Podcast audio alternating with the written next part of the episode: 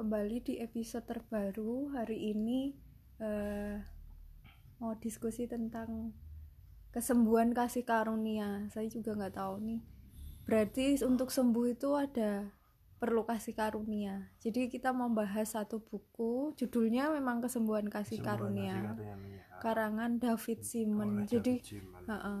mungkin perlu dijelasin dulu David Simon itu siapa atau buku kasih karunia itu tentang David apa? Simon itu seorang psikolog tapi juga kayak pendeta. Hanya dia psikolog cenderungnya juga psikolog. Kita lah seorang hamba Tuhan lah.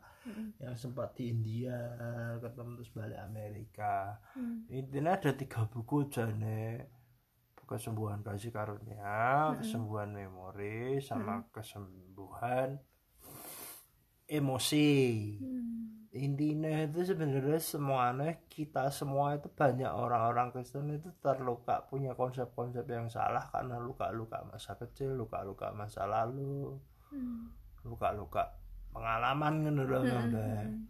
lah ini dia tulis di situ salah satunya yang kesembuhan. yang duluan yang mana bukunya itu kan berarti sequel ya bukunya ya Nggak, urutan oh beda nggak.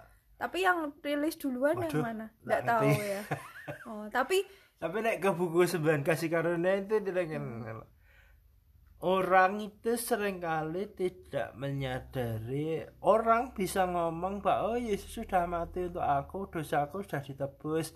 Tapi itu hanya sampai di otak. Hmm, belum turun istilahnya David Simon 3 cm apa pira ke hati. Hmm, jadi sebenarnya hidupnya itu masih terpancang pada apa hukuman dan hadiah. Oh ya belum bukan anak kasih karunia pengampunan pak. Aku ini sudah diampuni aku ini hidup bukan karena aku baik tapi karena pengampunan Kristus. Oh tapi masih kayak hukum Taurat 10 perintah Allah jangan Actually mencuri begitu. jangan nah itu terjadi karena pengalaman-pengalaman masa lalu. Ya intinya buku kesembuhan kasih karunia gitu. Jadi sebenarnya kasih karunia itu belum belum dipahami oleh banyak orang belum dipahami oleh kita nah Mungkin loh kita ngomong keselamatan tuh kasih karunia padahal sebenarnya belum sampai paham di otak Baru di mungkin, otak. tapi di hidupnya dalam hidup sehari-hari belum benar-benar me- apa mengalami mengalami belum paham di hati belum paham di begitu. hati. Nah. Jadi Tentang ditanya Yesus sudah ngampuni belum? Ngampuni. Mati di kau salib ngapain Yesus untuk ngampuni? Iya. Tapi tidak mema tidak mudeng, tidak paham di hati itu tercermin misalnya begini. Tercermin bahwa misalnya begini nanti ketika berkeluarga misalnya dia itu jadi kudu jengkel dengan orang nuntut orang lain iri hati dan lain sebagainya itu sebenarnya semua masalah nek nek dibahasnya nek juga ya mungkin sedikit juga bahas itu ya agak beda ya Apa nanti di episode lain lagi. oh ya sudah Nih aku aku mau contoh tadi yang dibilang bahwa sebenarnya karena banyak luka dari Masa masa ke- lalu. masa lalu ya.